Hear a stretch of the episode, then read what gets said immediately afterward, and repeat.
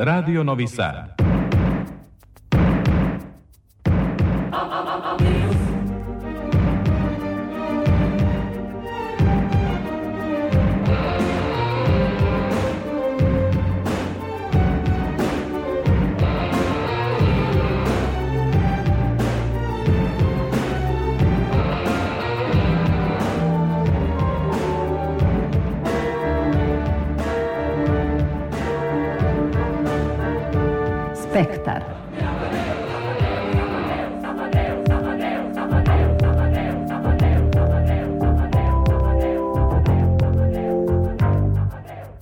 Spektar.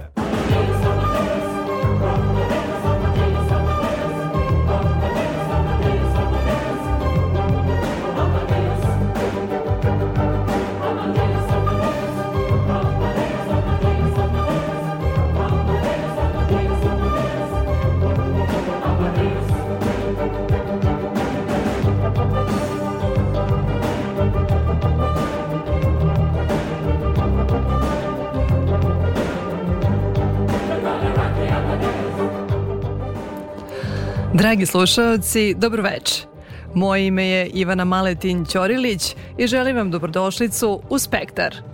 Bliži se za mnoge omiljeni deo godine kada se u Beogradu odvija najveća smotra pisane reči. Naime, sutra počinje 66. Međunarodni sajem knjiga, čiji je ove godine gost Francuska. U Beogradu je večeras prikazan film 33 anđela reditelja Gorana Vukčevića. Nušić ponovo na sceni Zrenjaninskog pozorišta. Gospođa ministarka premjerno izvedena pod rediteljskom palicom Dušana Petrovića.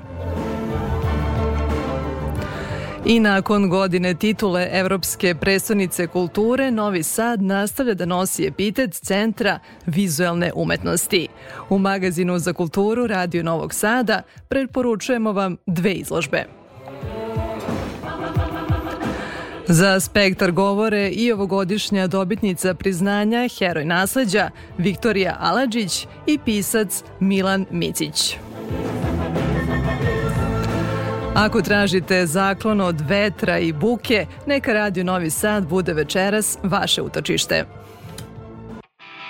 Scarlet rats, garlic wraps to keep the devils out. Sweet leaf smoke slowly goes through my window and leaves you all alone and out. Evening rain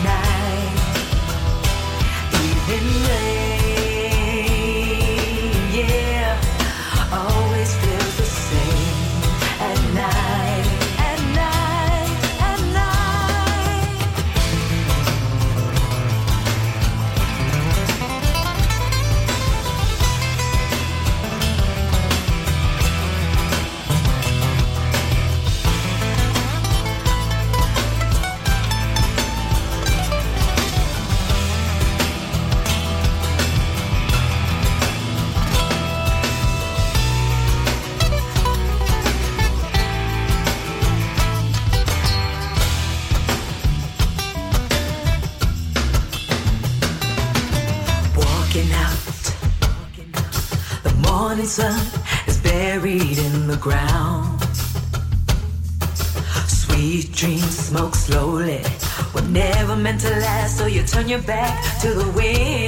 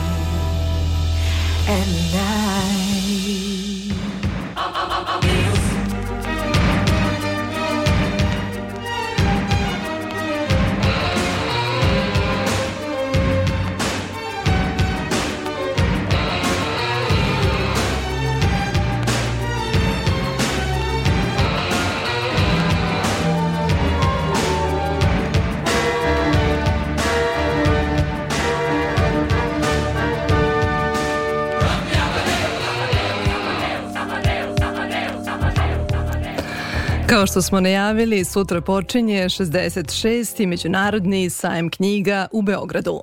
Otvorit će ga pisac Vladislav Bajac. U devet dana okupit će 400 izdavača iz zemlje i inostranstva. Počasni gost je Francuska, koja će se predstaviti na vrlo reprezentativnom nivou. Gostovaće vodeći tumač savremenog kapitalističkog sveta Toma Piketty, potom veliki pisci Matija Senar, Erik Emanuel Schmidt, Pierre Asulin i drugi. Tradicionalno na sajmu će se svakodnevno organizovati prateći programi posvećeni aktuelnim književnim temama. O detaljima umetnička direktorka sajma knjiga Sanja Milić u razgovoru sa Tatjanom Novčić-Matijević. Na šta ste se ove godine fokusirali? Na koje teme, probleme, fenomene? Ideja je moja bila da u svakom programu učestvuju različiti ljudi, evo objasnit ću kako. Na primer, 150 godina od Radoja Domanovića, tu je profesorka sa Filološkog fakulteta Dragana Vukićević, čija je to oblast, ali sa njom o tome čime nas je Domanović zadužio, razgovara Vule Žurić, naš pisac, koji se bavio Domanovićem na način da je napisao radiodramu u njegovom životu. Sličan pristup je i u drugim temama, dakle uvijek imamo pisca i teoretičara ili teoretičara i novinara, kritičara i profesora univerziteta. Recimo, jezik književne kritike, lingvista profesor Aleksandar Milanović i dvoje književnih kritičara iz dnevnih medija. Dakle, ideja je bila da ponudimo moguće različite poglede. Zašto je to važno? Naš sajam knjiga ima bogate programe jer da ih nema, to bi bila velika knjižara sa dobrim popustima.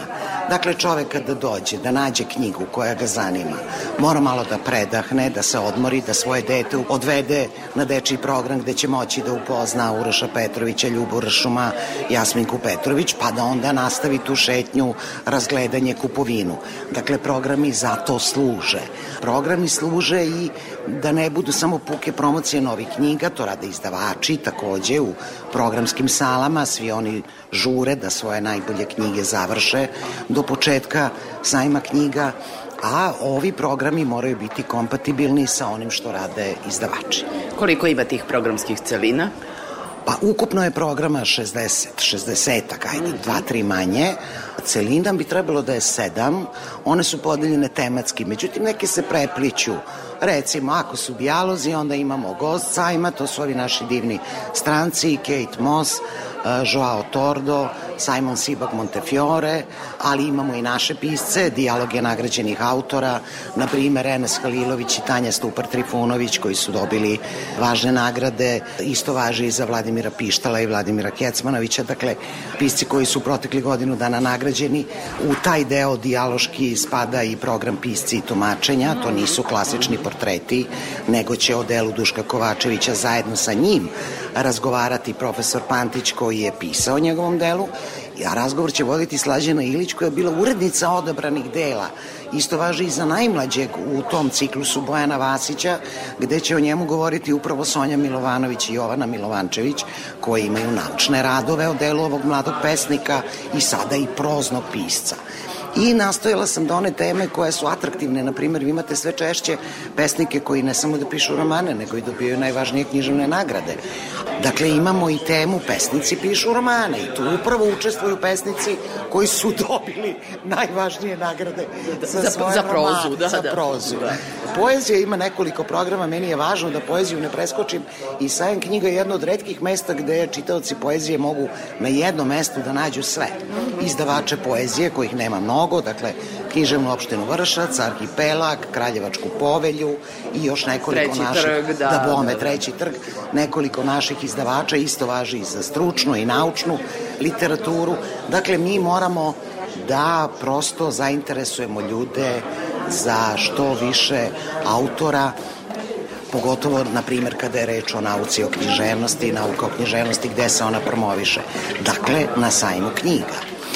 E, Što, što će reći ovako, sad umesto zaključka, ti prateći programi treba sajmu knjiga zapravo da daju onu zaista atmosferu i dinamiku razgovora o književnosti, najrazličitijih i iz najrazličitijih uglova. Jeste, to nije naš izum, ja sam takve, takvim programima prisustvovala i u Frankfurtu, i u Pekingu, i u Moskvi, i u Leipzigu.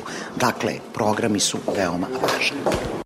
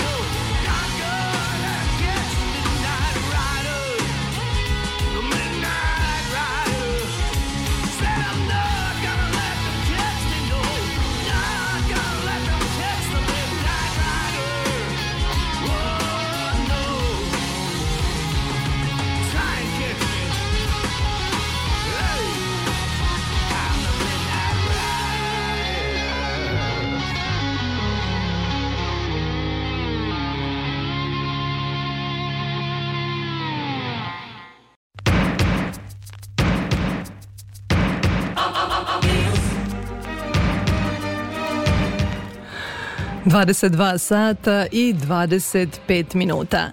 Nakon sajma knjiga, naredni segment emisije Spektar posvećujemo pozorištu. Naime, Nušić je ponovo aktuelan na sceni vojvođanskih teatara. U Narodnom pozorištu Toša Jovanović u Zrenjaninu večeras je premirno izvedena gospođa ministarka. Režiju i adaptaciju radio je Dušan Petrović, koji treći put postavlja tekst najvećeg srpskog komediografa u toj pozorišnoj kući. O tome i planovima za novu sezonu u oči premijere razgovarali smo sa upravnikom Zrenjaninskog pozorišta Dejanom Karlečikom. Nušić je ponovo aktualan na sceni vojvođanskih pozorišta. Kako je izbor pao na gospođu ministarku? Ja mislim da neka, kažete, Nušić je aktualan u vojvođanskim pozorištima. Nušić je u pozorištu s vremena na vreme aktualan kako kad, ali je u našem društvu aktualan uvek. I eto, posle skoro 100 godina od pisanja komada gospođa ministarka, ja ne nalazim neke razlike čitajući taj komad iznova, iznova ne nalazim razlike s tadašnjim i sadašnjim vremenom, tako da ne treba neki poseban razlog da bi se, što se tiče sa, perioda ili teme koju obrađuje ovaj, Nušić, to posebno polemisati, nažalost, ali svakako da je gospođa ministarka, ja kažem, se radi redko, radi se onog trenutka kada vi u ansamblu imate pre svega glumicu koja može da, da odigra Živku Popović, našu gospođu ministarku, a naravno ako imate i, i ostalu podelu za to, pošto je velika predstava, veliki ansambl je podela. E, tako da mi, s obzirom da imamo glumicu koja je sad u nekom pravom razvoju kada treba da odigra takvu ulogu, to je Jelena Šteblić-Živković, tako da je to bila neka neka prva asocijacija zašto se radi taj tekst, a kasnije su se onda samo kockice tog mozaika su se sklapale i onda smo pozvali i reditelja Dušana Petrovića s kojim naše pozorište ima jako dobru saradnju već da kažem 20 godina nazad, a ovo je treći Nušić koga on postavlja u našem pozorištu, pre toga je postavljao 2002. godine Narodnog poslanika, koja je bila veoma uspešna predstava igrala se nekih 13-14 godina, a e, nakon toga je radio takođe Nušićevu vlast 2014. godine, koja je do pre par sezona takođe veoma uspešno igrana ove, na našoj sceni i na festivalima u zemlji. Da li Dušan Petrović donosi neko novo čitanje gospođe ministarke ili se drži izvornog teksta? Dušan Petrović se bavi, kako on sam rekao, temom tih društvenih elita. Što se tiče samog rediteljskog postupka, ja iako sam odgledao probe i čito eksplikaciju i sve, e, ostaju bih publici da to ipak bude iznenađenje, e, jer ako bih bilo šta rekao, mislim da bih pokvario taj dobar utisak koji je Duca Petrović sa našim ansamblom napravio, što će publika eto već na predpremijeri imati priliku da vidi. Gospođa ministarka je druga premijera ove sezone u Narodnom pozorištu Toša Jovanović. E, kakvi su planovi za naredni period? Početkom septembra smo imali e, premijeru predstavu Ljubinko i Desanka koja je već bila gotova krajem prošle sezone, ali jednostavno mislili smo da je bolji moment za premijeru sam početak sezone. Sad ide ova premijera, na dramskoj sceni nas do kraja sezone očekuju još dve premijere, jedna na velikoj, jedna na kamernoj sceni. E, nakon, eto da kažem, proverenih klasika srpske književnosti, daćemo priliku i savremenim komadima, i mladim rediteljima. Tako da nas u nekom narednom periodu očekuje rad na predstavi Mobilni telefon mrtvog čoveka Sare Rul u režiji Rastislava Ćopića i nakon njega e, po tekstu Lucy e, Preble e, Komad Efekat u režiji Đorđa Nešovića koja će biti na kamernoj sceni, očekuje nas premijera negde u maju mesecu, tako da eto, očekuje nas četiri premijere ukupno na dramskoj sceni u ovoj sezoni, a e, na lutkarskoj sceni. U ponedljak su počele probe predstave Čudovate zgode Šegrta Hlapića, Ivane Brlić-Mažuranić u režiji Vjere Vidov, koja je u našem pozorištu radila već predstavu Dečak i Mesec, koja je za eto dve godine na nekoliko festivala uzela preko deset nagrada. E, imali su priliku ovde da podmladimo ansambl, to će publika isto verujem pozdraviti na najbolji mogući način. Premijera ove predstave nas čeka krajem novembra, početkom decembra, a odmah u decembru mesecu uh, ćemo imati novogodišnji program, to je izvodi Lutkarska scena, tokom celog decembra. Nakon toga uh, nas još do kraja sezone očekuje uh, rad na predstavi sa Jovanom Caranom, još e, se dogovaramo oko tačnog teksta, ali termin je negde februar, mart mesec sledeće godine. Narodno pozorište Toša Jovanović nastavilo je sa podmlađivanjem ansambla. E, Koliko mladi glumaca vam se pridružilo ove godine?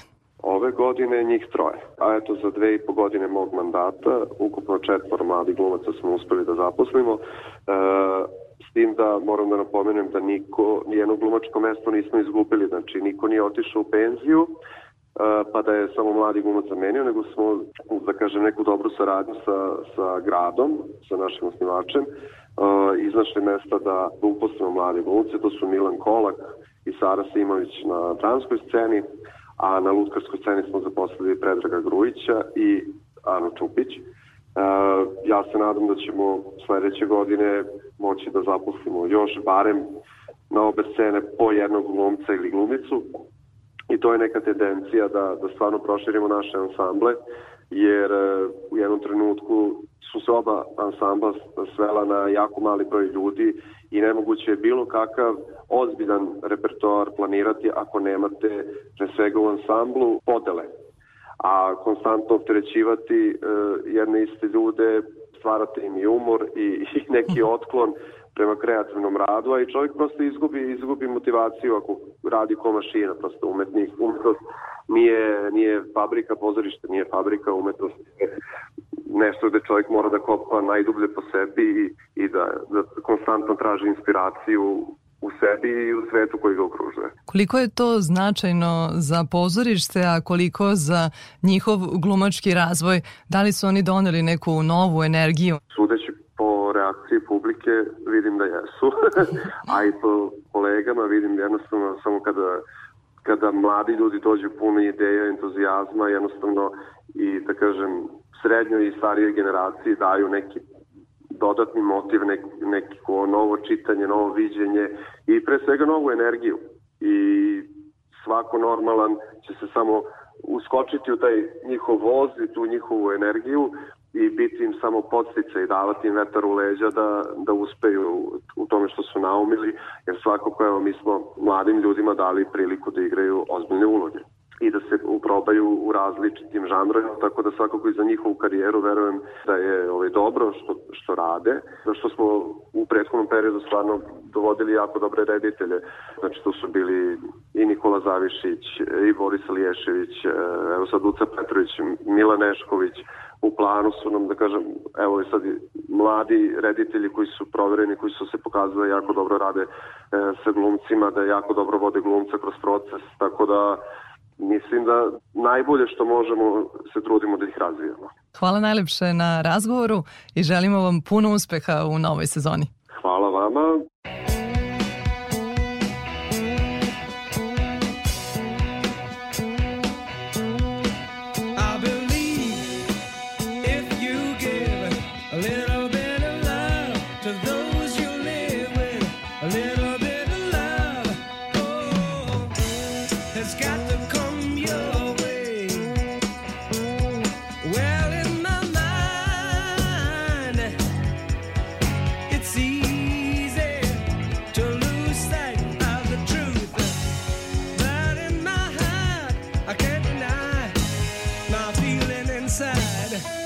Cause I've been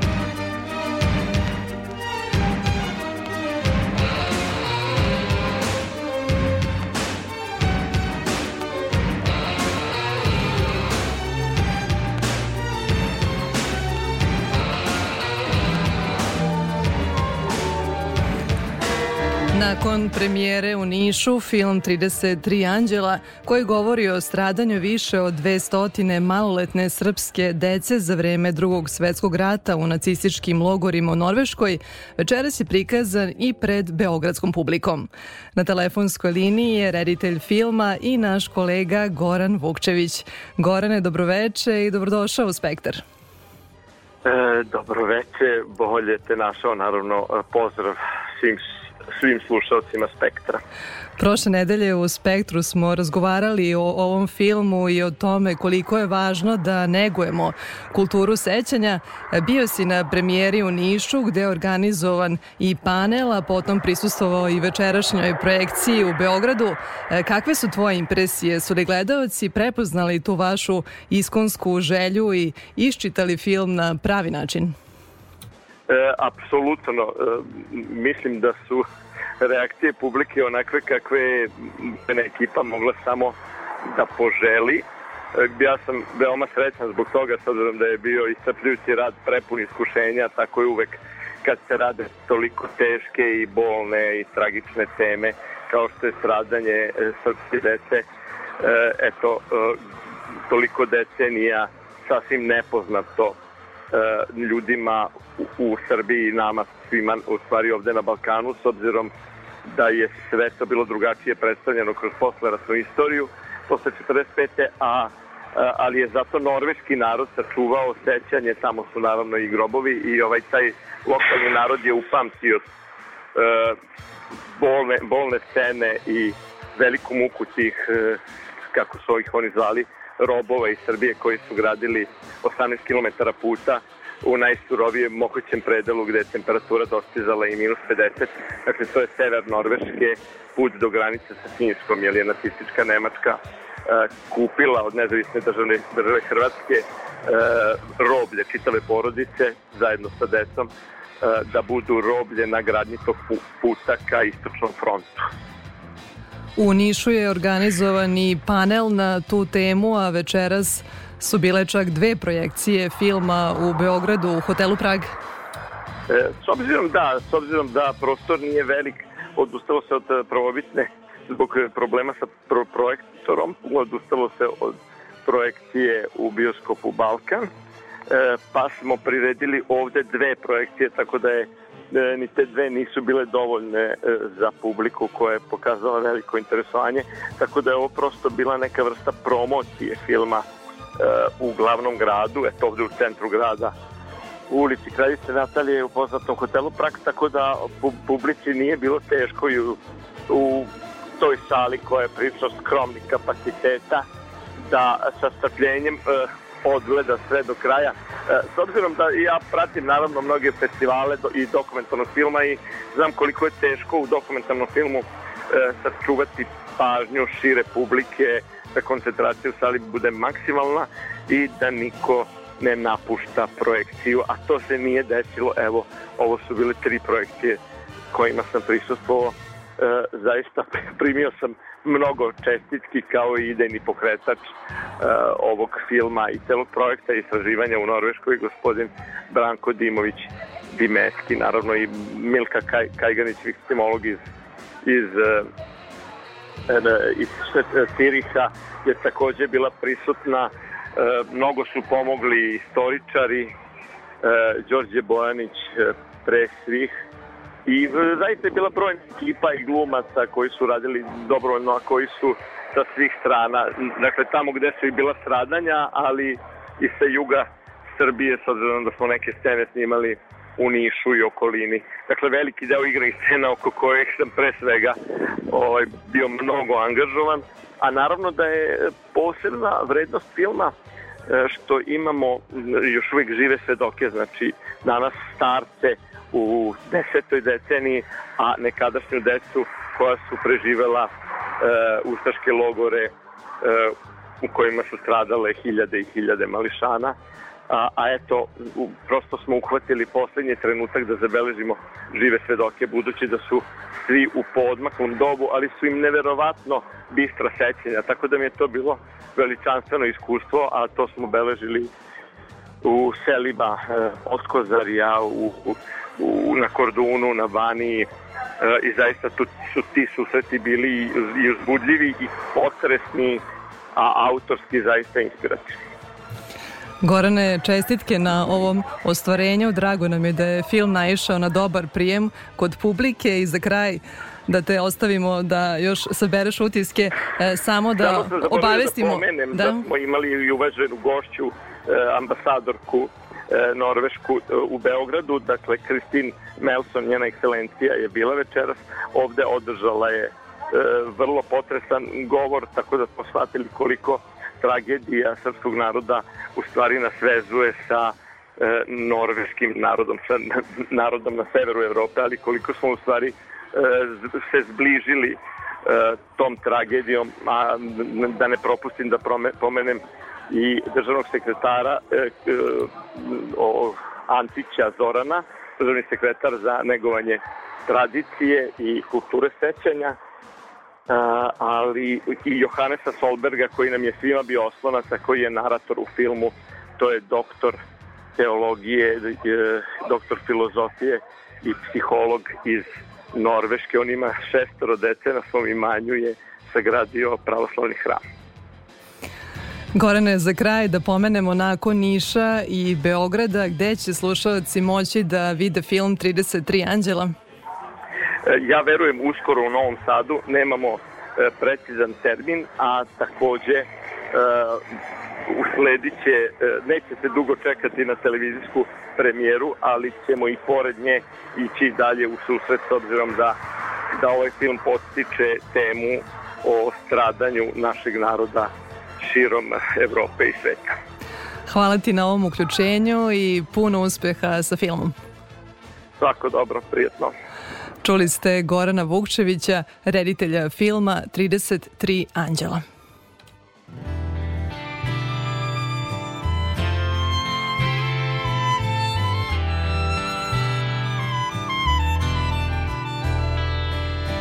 Lazy us sleeping in the sun. Lazy eyes of summer touch us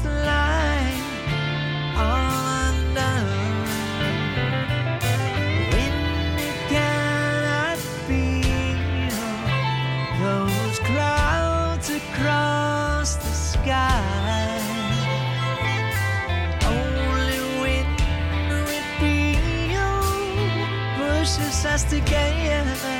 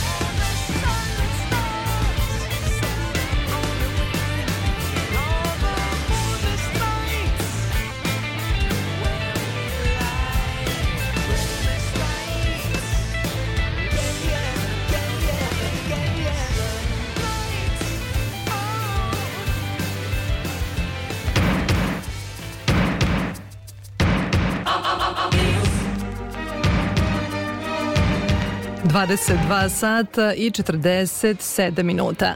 Slušate Spektar, magazin za kulturu Radio Novog Sada. U galeriji Matice Srpske od petka je postavljena izložba Paja Jovanović i Gustav Klimt, izložba tri slike i tri muzeja. Galerije Belvedere i Umetničko-istorijskog muzeja u Beču i naše nacionalne galerije. Kamerna, ali značajna postavka iz bar dva razloga. Dve slike nikad do sada nisu predstavljene kod nas, a nije poznato ni da je veliki austrijski slikar ikad do sad izlagan u Srbiji. Sa kustoskinjom izložbe, Snežanom Mišić, razgovarala je Aleksandra Rajić.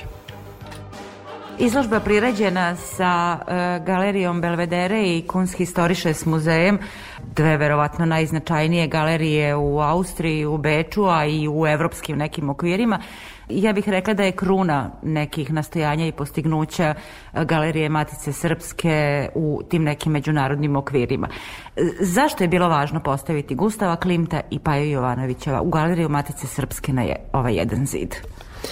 Tako je, ova izložba jeste rezultat naše višegodišnje saradnje, pre svega sa Kunski istorišnim muzejem, ali i sa galerijom Belvedere i rezultat naših želja, jer smo mi sanjali još 2016. godine kada smo potpisali prvi protokol o saradnji sa Kunski istorišnim muzejem, kako ćemo jednog dana da dovedemo Klinta i kako ćemo jednog dana da dovedemo iz Belvedera Pajinu Bečliku. Dakle, dve slike koje nikad nisu viđene u Srbiji uopšte. Ova slika Gustava Klimta je izlagana samo jednom od trenutka kada se pojavila u Kunski istoriški muzeju i tu je zanimljiva priča o njenom dolasku uopšte u muzej, dok e, ista je skoro sudbina i Bečlike Paje Jovanovića, koja je izložena 1905. godine, sa, ne, sa te izložbe je otkupljena i od tada je ona bila u depou muzeja Belvedere sve do 2000, čini mi se, sedme godine, kada je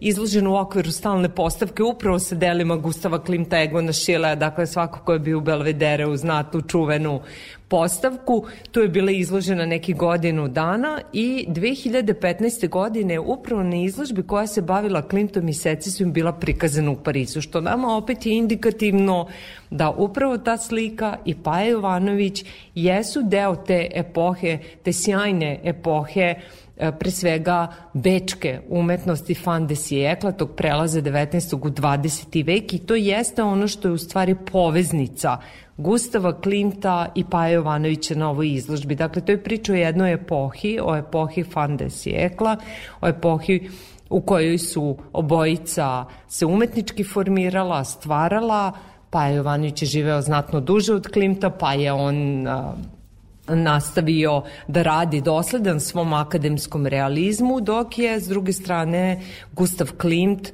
vrlo brzo krenuo ka modernim umetničkim tokovima, odnosno ka novim umetničkim tokovima postao vodeći predstavnik bečkog modernizma. E, Klimt je svakako jedan od najpopularnijih e, i najskupljih, ja bih rekla, umetnika na tom nekom evropskom i svetskom tržištu i prostoru.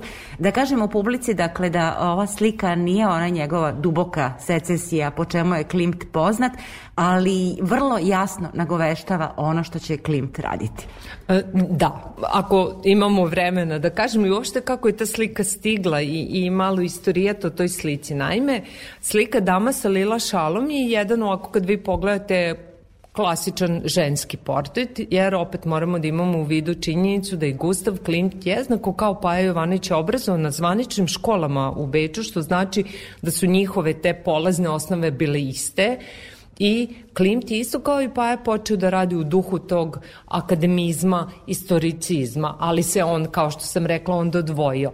Ali ono što jeste na ovoj slici što ukazuje na secesiju i što jeste e, značajno za taj portret jeste upravo ta pojava e, zlatne, zlatne jedne bordure ispod koja će biti karakteristična posle za e, Klimtove buduće slike, ali i zašto je ona stigla baš u Kunsthistorisches muzej, a ne recimo u galeriju Belvedere koja ima najveću kolekciju Klimta na svetu. Naime, 2013. godine i u, u Kunsthistorisches muzej je stiglo iz advokatske kancelarije jedno pismo u kojem su ih obavestili kako su oni nasledili jednu sliku Gustava Klimta, portret dame. Samo je tako pisalo. Oni su bili iznenađeni, prvo nisu znali ni kako je zaveštanje u pitanju i upravo su se i zato pitali zašto njima neko zaveštava jer oni ni ne baštine tu umetnost. Njihova umetnost se završava sa 17. vekom, pre svega sa evropskom umetnošću 17. veka ali vrlo brzo se a, saznalo o čemu se radi. Naime, ta slika se više od jednog veka nalazila u privatnom vlasništvu. Prvi njen vlasnik, to znamo, je bio izvesni bečki industrijalac Georg Lasus i slika je ostala dakle sve do te 2013. godine u vlasništvu njegovih potomaka, dakle u vlasništvu te porodice.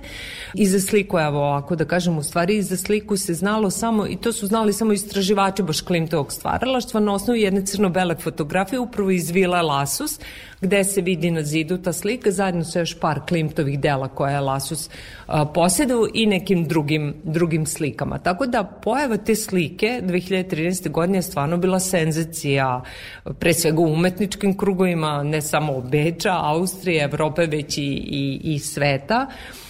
Slika je poklonjena Kunsthistorisches muzeju upravo zbog činjenice što je Gustav Klimt tokom 1890. i 91. godine, dakle neposredno pred otvaranje nove zgrade Kunsthistorisches muzeja, radio na slikanoj dekoraciji, tako da kogod ode ili je već bio u Kunsthistorisches muzeju, ja verujem da su iznad stepeništa prepoznali Klimtov rad. On je uradio dakle nekoliko sa svojim bratom i kolegom Francom Mačem nekoliko a, predstava u pitanju su periodi istorije umetnosti i već u tim delima se naslučuje njegov budući stil secesija, a ova portret dame, ova slika portret dame sa lila šalom, pošto nije datiran, on se na osnovu dakle tih stilskih karakteristika može povezati upravo sa tim periodom između te najverovatnije oko 1895. da je, da je nastao, a Secis je osnovana dve godine kasnije. Ali motiv je tako karakterističan za Klimta, to je portret žene. I jeste. I ono što jeste, mislim, e, ima dosta i sličnosti i razlike između, između e, Gustava Klimta i Paja Jovanovića, ali jedna od tih velikih sličnosti jeste upravo to, jesu ženski portreti, jer obojice su um, poznata u istoriji umetnosti, u istoriji grafiji kao vrsni slikari žena, ženskih portreta, jer su se obojice nakon 1900. godine uglavnom okrenuli portretnom slikarstvu, prevashodno predstavi, predstavi žene i stvarno ostvarili neke od najlepših ženskih portreta, naravno u različitim umetničkim stilovima. Jeste li imali prilike da razgovarate sa kustosima u Beču? Koliko oni znaju o Paji Jovanoviću?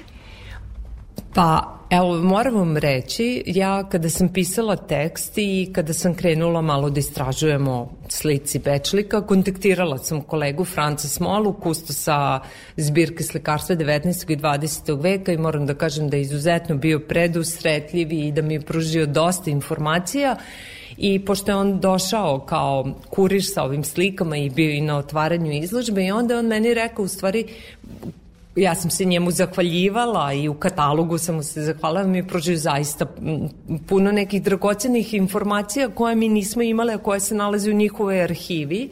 A on se meni onda zahvalio, on je rekao, ne, ja vama treba se zahvalim što ste vi meni otkrili jednog umetnika kojeg mi imamo u našoj kolekciji, a kojeg možda nismo bili svesni njegovog značaja.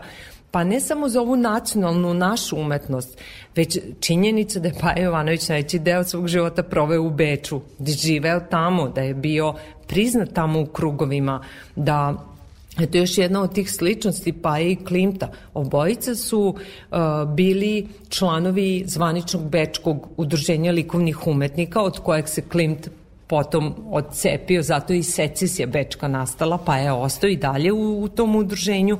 Obojice su izlagali u Kunstler Hausu, to je bio taj čuveni bečki zvanični paviljon, izlagali svoja dela. Sresti.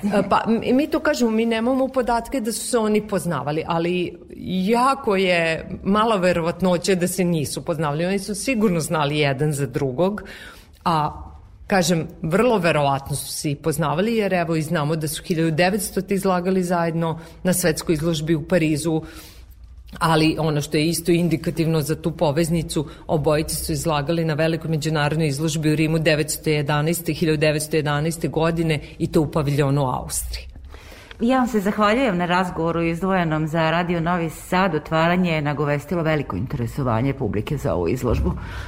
Jeste, otvaranje je prevazišlo, da kažem, i naše očekivanja. Mi smo očekivali veliki broj posetilaca, ali mislim da nas je prevazišlo i komentari su pozitivni, najpozitivniji mogući. Ono što je nas takođe iznenadilo vrlo prijatno da to veče, pošto je prostor nije veliki, gde su izložene slike su ljudi zaista strpljivo čekali da dođu na red, da uđu u prostor, da vide te slike i već prvi vikend je zabeležio preko hiljadu i po posetilaca, Tako da to i jesmo očekujemo. Mi očekujemo da će ova biti izložba posećena. Jeste kako neki posetioci kažu samo tri slike, ali mi kažemo nisu to samo tri slike. To su ipak tri velike slike, velike slike po značaju i velike slike upravo po tome što smo rekli na samom početku priče, prvi put jedno Klimtovo delo u Srbiji, prvi put Pajna Bečlika u Srbiji.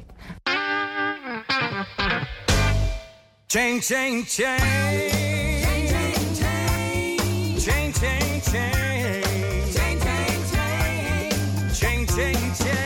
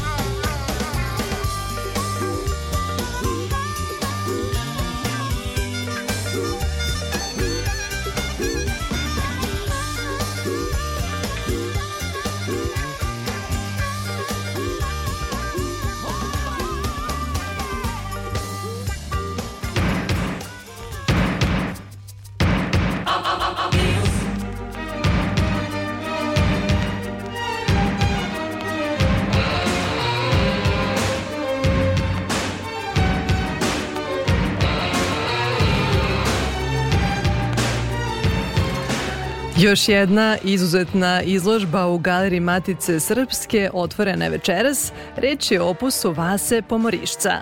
Izložena su njegova platna iz muzeja i privatnih kolekcija i porodičnih, koja do sada nisu često izlagana. Vrstan i popularan portretista, kopista fresaka, autor žanruskih slika, predstavljen je na izložbi i nikad realizovanim vitražom koji je specijalno za tu priliku naručila Galerija Matice Srpske. Izložbu u razgovoru sa Aleksandrom Rajić najavljuje kustoskinja Jelena Ognjanović. U galeriji Matice Srpske otvara se izložba Pomorišac, Vasa Pomorišac, izložbom kojem zatvaramo, odnosno pravimo završnicu našeg jubileja 175 godina Galerije Matice Srpske, a simbolično o, jeste i ova izložba upravo zato što je Vasa Pomorišac bio poslednji stipendista Matice Srpske, kako smo našu godišnicu započeli sa prvim stipendistom Urošem Predićem, odlučili smo da zatvorimo sa poslednjim. Vasa Pomorišac inače javnosti možda nedovoljno poznat kao veliki srpski umetnik, međutim on zapravo to i jeste bio i nekako upravo kroz sam naziv izložbe ponavljajući njegovo ime Pomorišac, Vasa Pomorišac, želimo da istaknemo njegovo ime i prezime, da nekako se ureže u pamćenju našim posetiocima i generalno publici. Pomorišac je takođe važan, pored naravno velikog stvaralaštva i opusa koja nam je ostavio, da je bio jedini srpski slikar prve polovine 20. veka koji se školovao u Londonu. To je naravno izvršilo i veliki uticaj na njegovo stvaralaštvo i on zapravo jeste uneo u srpsku umetnost jednu, da kažemo, posebnu estetiku, stilizaciju koja je nesvakidašnja drugačije i upravo će posetioci na izložbi imati priliku da vide zbog čega je on toliko poseban i drugačiji u odnosu na svoje ono vremenike. Sećamo se izložbe koja je prirađena u Zrenjaninskom muzeju pre par godina. Dakle, e, kakva je razlika? Odakle su sve radovi koji će biti izloženi u Galeriji Matice Srpske? Izložba u Zrenjaninu predstavila je dela iz njihove kolekcije kao i e, privatno vlasništvo naj, po najviše sina Vase Pomorišca, a međutim mi smo ovog puta želeli da proširimo tu priču i da nekako nadovežemo na, na tu izložbu koja se desila u Narodnom muzeju u Zrenjaninu, e, tako da ova izložba e, predstavlja preko 140 umetničkih dela, ne samo iz Narodnog muzeja Zrenjanina i od privatnih vlasnika, već i Narodni muzej Srbije, muzej primenjene umetnosti, Vojni muzej Srbije, naravno nezaobilazna tačka muzej savremene umetnosti u Beogradu s obzirom da veliki broj vasinih dela se upravo čuva u ovom muzeju i izložba jeste negde partnerski nastala u saradnji sa muzejem savremene umetnosti, a tu su naravno i muzej grada Beograda, muzej, Narodni muzej u e, Smederevskoj palanci, u Požarevcu. Pored svih velikih institucija, e, veliku pomoć su nam pružili privatni vlasnici, privatni kolekcionari, po, ne smem da zaboravim svakako da spomenem e, dva sina Gordana i Bojana Pomorišca koji e, čuvaju veliki broj e, radova svog oca i koji su bili, da kažem, nezaobilazna tačka uopšte u proučavanju stvaralaštva Vase Pomorišca, a sa druge strane i drugi privatni kolekcionari koji očito znaju i uživaju u stvaralaštvu ovog velikog umetnika, tako da eto je i ovo prilika da vidimo neka dela koja možda nisu do sada bila viđena.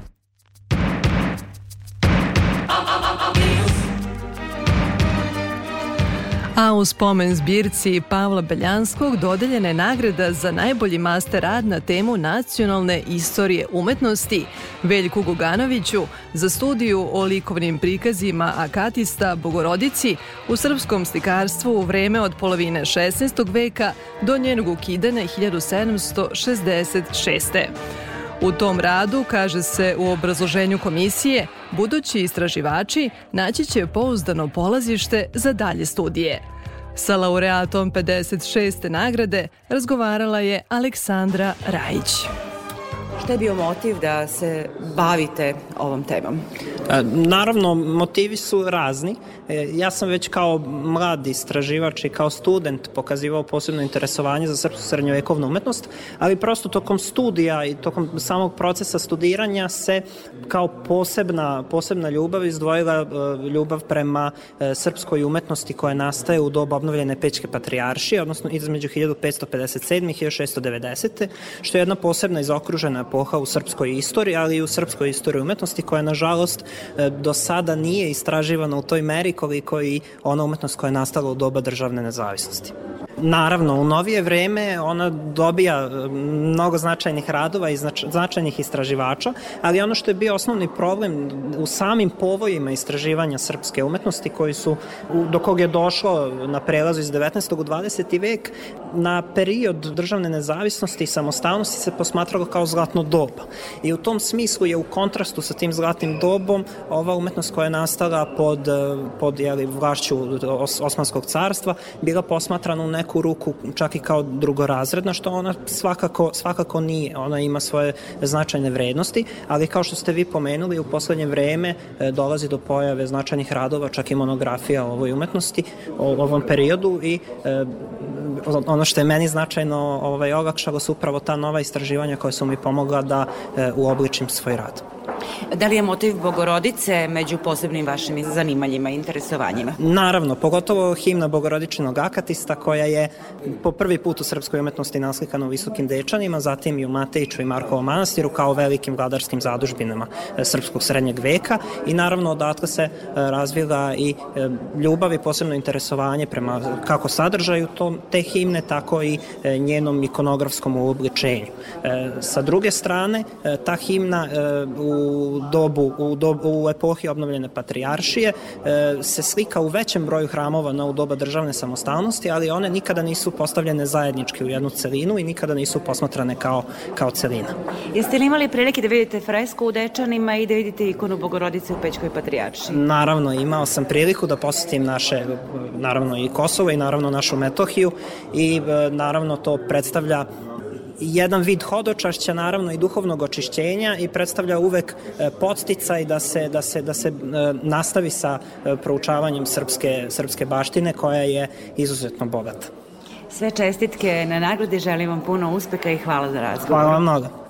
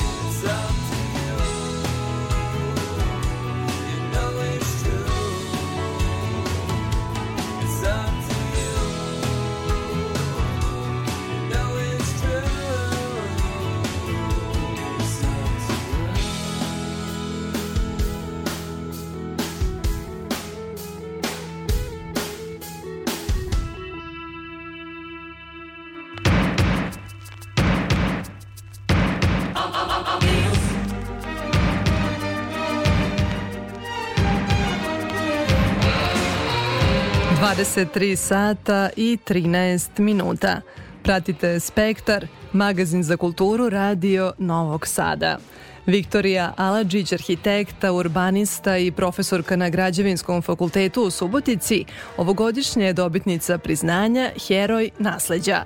Već godinama se kao posvećena aktivistkinja stručno protivi devastaciji subotičkog arhitektonskog nasleđa, a među najzaslužnijima je što je Subotica u mreži secesijskih gradova, a sinagoga restaurirana. Nagrada će joj svečano biti uručena u decembru. Sa Viktorijom Aladžić razgovarala je Aleksandra Rajić. Heroj nasleđa naziv je nagrade koju je Evropa Nostra dodeljuje od prošle godine za lični doprinos zaštiti baštine. Heroina tačnije e, je Viktorija Aladžić. E, Da li je heroj prejaka reč kada se radi o našem odnosu prema graditeljskom nasleđu? E, Možemo govoriti naravno pre svega o Subotici. Pa, šta da kažem, prosto ne osjećam se kao heroj i s jedne strane, a sa druge strane tužno je ako mi treba ljude koji se bave nasleđem, znači nečem što treba da bude sastavnim deo našeg života, ta briga o nasleđu, tužno je da se ljudi koji se time bave zovu herojima. Znači oni bi prosto trebali da rade svoj posao, odnosno da im bude omogućeno da rade svoj posao. Ono što radite, a a reč je, evo da podsjetimo slušaoce o angažmanu na obnovi sinagoge i njenoj nominaciji za e, najugroženiju baštinu, potom e, o statusu Subotice kao secesijskog grada. Tu su i ona svakodnevna javne kampanje za očuvanje grada, tu su vaši kritički stavovi kada se obnavljalo pozorište u Subotici. Dakle, e, sve to zajedno, a dosta je toga, e, može se samo objasniti, ja bih rekla, jednim trajnim vašim opredeljenjem, energičnošću i posvećenošću. Tu je naravno i rad sa studentima, da i to ne zaboravim. Rekla bih da je zapravo vaša najveća misija upravo iniciranje promena o razmišljanju u gradu na jedan, ako tako nam mogu da kažem, i stručan, ali i demokratski način. Mislite li zapravo da je tu početak svega u glavama građana? O nama govori naš odnos prema svetu. Znači kako se mi ponašamo prema svom okruženju, prema nasleđu, prema ljudima, životinjama, biljkama, prirodi, takvi smo mi. Kad se okrenemo u okruženju vidimo puno devastacije, vidimo zagađen vazduh, zagađene reke, vidimo propalo nasleđe, nasleđe koje se ruši, vidimo ulice gde su loši trotoari, gde, gde su loši kolovozi, gde je loše organizovan saobraćaj, gde nema biciklističkih staza, znači gde god se okrenemo ima jako puno problema, a prosto se ne vidi neka veća inicijativa da se ti problemi reše i ti problemi ne mogu svi da se reše od ozgo, znači sa vrha, od strane autoriteta, nego je potrebno da i sami ljudi shvate da moraju drugačije da se ponašaju, da se drugačije odnose prema svom okruženju da bi im bilo bolje. I jednostavno ono čime se ja bavim, znači ja sam odabrala oblast uh, u kojoj se dobro snalazim, a ceo moj trud svodi se na to da se neke stvari poboljšaju i da bude bolje. Znači u tome sam i aktivno učestvovala i zagovarala i što god sam mogla da radim u tom pravcu, ja sam to činila, između ostalog i zato što imam troje dece i uvek sam mislila da mi generacijski treba da ostavimo iza sebe bolji svet od ono kakav smo zatekli, a nažalost to nije slučaj, mislim da svet nije bolji od onog vremena kad sam ja bila mlada. E sad da se vratimo iz tog celog sveta u Suboticu, šta je trenutno ovako najurgentnije u- Subotici kada je reč o e, arhitektonskom nasleđu? A uopšte problem je sa stavom da se grad doživljava kao resurs, gde e, je većina grada planirana za rušenje i omogućeno investitorima malte ne gde god im padne na pamet osim zaštićenih zona, da oni otkupljuju kuće i da tu grade zgrade i da jedan, jedan tip stanovanja koji je u prizemnim kućama sa velikim dvorištima, zelenim površinama, pretvore u jedno visoko urbano naselje e, sa visokim zgradama, sa kompletnim izasfaltiranim površinama i bez dovoljno drugih prostora koji mogu da podrže održivi život ljudi koji će se naseliti u tim zgradama. Jeste li Znači, bili... mi bi trebalo da preokrenemo odnos prema gradu i da ga uređujemo tako da svima bude bolje, a ne da jednima bude bolje, a većini da bude mnogo lošije. To je kada reč o Subotici, jeste li bili skoro u Novom Sadu? Novi Sad je, ja bih rekla, tek poslednjih možda pola veka se popeo na neke visoke spratove, međutim ovo što se dešava poslednjih godina, to je e, već drastično. A nisam bila ja iskreno radije putujem na sever zato što se i na zapad i na istok zato što se u drugim zemljama mnogo više brine o nasleđu i, jako, i mnogo više se brine o tome kako se uklapaju novi objekti među stare i ako se dozvoli neki razvoj ili izgradnja više spratnica i tako dalje, onda e, se pažljivo bira gde će to da se desi. Naravno nije to svuda slučaj, ali recimo bila sam sad nedelju dana u Banskoj šćavnici, gradić koji je na UNESCO-voj listi i učestvovala sam u radionici koja se bavi nasleđem, radili smo sa studentima i to je fantastično kada se vidi od 90. godina do danas koliko su objekata oni uspeli da restauriraju u tom starom delu gde je istorijska arhitektura koja je zaštićena, nisu dozvolili ni jedan jedini novi objekat koji će narušiti to nasleđe. Subotica je mogla isto tako da se nađe na UNESCO-voj listi kao tipičan grad 19. veka, ali nema dovoljno osjećaja za to i nema ni želje, znači odlučeno je ne znam gde i ne znam kako, a mislim da to kapital u stvari najviše donosi odluku umesto nas, da se grad koristi kao resurs i da se e, prepušta investitorima da oni obrću kapital koristeći jel, resurse koji u gradu postoje. E, Kažu da je briga o nasleđu pre svega pokazatelj, naravno o arhitektonskom, urbanističkom nasleđu, e, pre svega pokazatelj kulturne zrelosti društva. Ja bih rekla da smo mi tu još u povoju. Pa trebali bi mnogo da učimo, a najgore od svega je što ne učimo iz sobstvene istorije.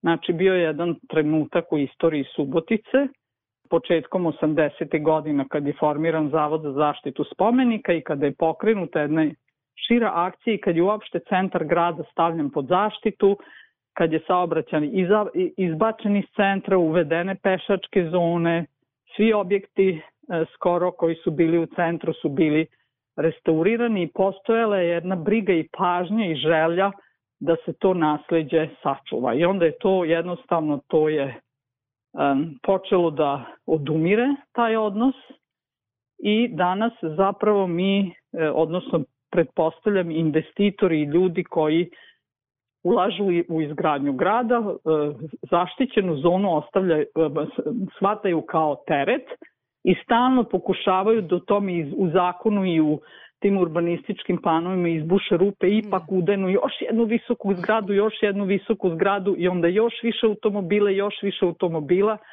i zapravo grad postane saobraćajno zagušen, a nema nikakve potrebe u ovoj gradić od 100.000 stanovnika. Apsolutno nema potrebe da im, mi imamo probleme sa saobraćajem. A mi imamo. I imaćemo još veće probleme u budućnosti. Da, i pri svemu tome i građani se strukturno menjaju u svom odnosu prema gradu. Jednog trenutka će to doći do zasićenja i svi će shvatiti da je napravljena greška, ali nema nazad. Vi kad izgradite urbano tkivo, to teško možete menjati. Nećete rušiti zgradu da gradite park Da. ili da napravite nešto što će, nemam pojma, neku lepu urbanu zonu za okupljanje i tako dalje. Nagrada Heroj nasleđa, zapravo heroina nasleđa, biće dodeljena vama u decembru. Čestitam na ovoj nagradi i želim vam svako dobro i e, hvala na ovom razgovoru.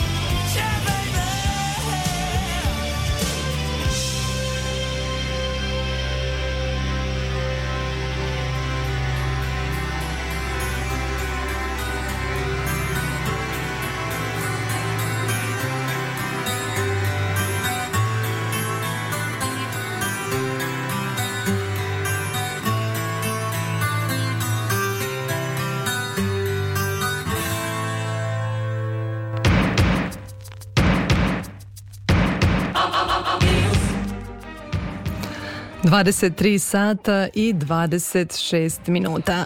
Stižemo do poslednje priče u večerašnjem spektru. Milan Micić, pisac, generalni sekretar Matice Srpske, objavio je u akademskoj knjizi sedmu knjigu priče naslovljenu Čudo u Banatu. Micić je doktor istorijskih nauka i njegovo istraživačko polje jeste period posle Prvog svetskog rata upravo u Banatu – O novim pričama sa njim je razgovarala Tatjana Novčić-Matijević. Kažu, Banat je čudo. A vi ste obrnuli sintagmu, bar u naslovu, a verujem da i u sadržaju možete da potvrdite zašto je zapravo Banat čudo, odnosno šta je to tako čudnovato u tom Banatu? Banat je jedna magija i kad čovek uđe u Banat e, osjeti jedan poseban duh i tu se duboko osjećaju vekovi. E, Neko ko nije iz Banata može da osjeti izvestan strah, može da osjeti izvesnu strepnju i može da osjeti jedan ulazak u jedan prostor, u jednu prazninu. A dobro, zato su tu umetnici, da? Da, e pa Banat je zato rađao umetnike, zato je rađao zaista velike pisce, rađao velike slikare, rađao je velike, velike naučnike i cela ova knjiga je u stvari zasnovana na nečemu što jeste bila stvarnost u Banatu, ali ta, ta stvarnost je toliko bila e, magična, toliko je bila neobična da su se u njoj dešavala neka čuda. Ona se dešava Ta stvarnost postoji negdje između 1918. i 1923. Nestalo je veliko carstvo, formirana Jugoslovenska država, a granica između dve države Jugoslavije i Kraljevine SHS nikako da se povuče. I tu u toj, u toj neizvesnosti, u toj opštoj uzbuni posle velikog rata, iz, iz tog nekog miljeja nastale su ove priče. To je u stvari epoha Dušana Vasiljeva.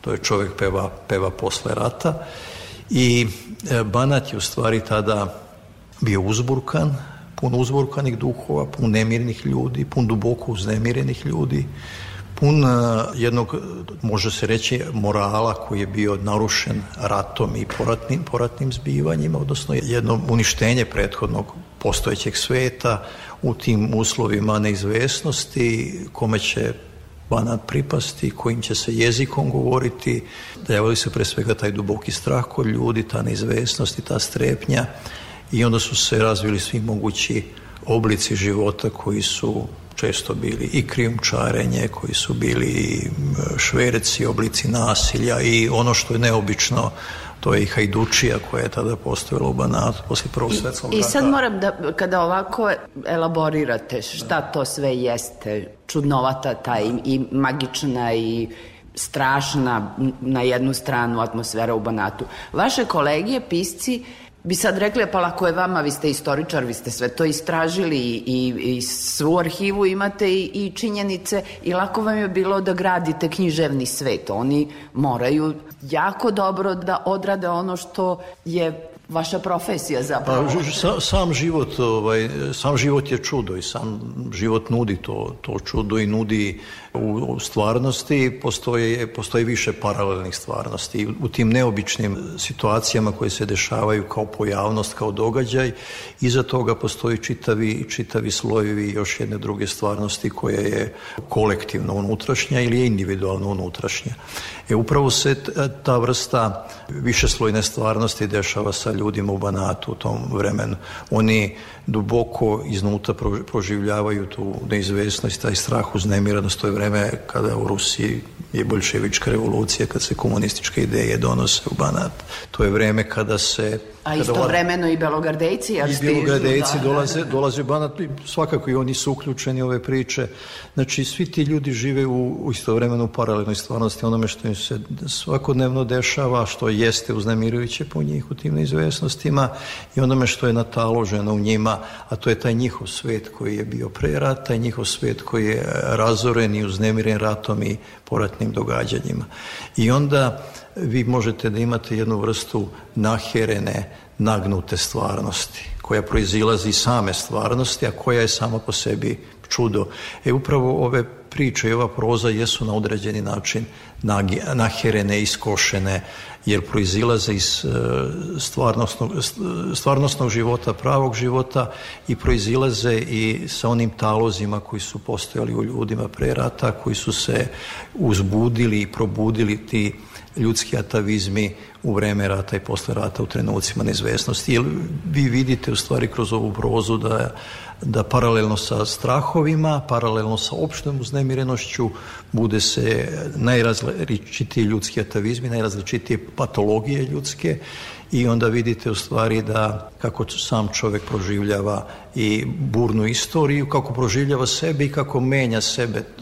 Najosjetljiviji periodi su periodi za čoveka kad se prelazi iz epohi u epohu, iz granice, granice epoha. E upravo je, su ove, te godine u stvari bile granice epoha prvi svetski rat i posle prvog svetskog rata i u tim granicama epoha čovek koji je formiran u prethodnom vremenu e, ne prepoznaje sebe i ne nalazi sebe, on ostaje u nekom svom prošlom vremenu i onda ga novo vreme udara novo vreme ga uznemirava i novo vreme ga napada na sve strane. Zato je često u ovim pričama se pojavljuje magla kao, kao simbol, pojavljuje se polutama. Rekla bih da ste građe za knjigu imali mnogo više nego što je priča stalo u ove korice. Forma je kratka priča, jer je tako, pojedinačna je, ali sudbina. Jel razmišljate o romanu ili će uslediti još jedna knjiga priča? Jel vam odgovara taj format kratke priče? Najlepše se osjećam u, u kratkoj priči. Ja volim i poeziju i pišem i poeziju, ali moj neki prostor jeste kratka proza i kratka priča. Mislim da tu sam najpotpuniji. O romanu ne razmišljam. Ne razmišljam, ja, ja ovaj, želim da napišem majstorski neku kratku priču i tu osjećam onda veliko, veliko zadovoljstvo ako je ta kratka priča izvedena kako treba i oko unutar te, te kratke forme postoji toliko nabijenih e, slojeva, pritisnutih slojeva koji mogu da iskažu neka najdublja ljudska osjećanja, emocije, stavove, stavove misli i sve ono što, što tišti ili što čovek, ali što čovek osjeća. Pošto je kratka forma uvek izazov za pisca, znači posvećenost jeziku. Kad govorimo o banatu, nije teško imati uzore u jeziku. Tako je. da. S druge strane, opasnost je da ne budete epigon. Mm, Da, da, apsolutno. Znači, Banat je toliko dao zaista jednu bogatu književnost ima. Mnogo ljudi, da ih sad ne nabrajam sve koji zamenitih pisaca e, srpske književnosti, opšte ljudi u istoriji srpske kulture potiču iz Banata. Ovo je jedno, čini mi se, ovaj, autohtono delo koje ja se istovremeno pojavljujem u ovoj prozi se pojavljuje jedno moje biće, biće istoričara i biće istoričara koji izlazi iz svog bića u neki magičan svet, u neki nadrealan svet, u neki čudesan svet, u neki naheren svet, u neki svet u kojem ima i cinizma, kojem ima i crnog humora, kojem ima i ironije puno, e, ali to ostalom sve, to je najlakša e, ili najteža odbrana od života samo kakav je. Upravo sam to htjela kažem. A kako se drugačije braniti od života? Da, jest, da. jest. Na taj način kroz kroz ovaj i, i cinizam i ironiju i crni humor ja sam stvari branio sebe, ali sam branio i svoje junake.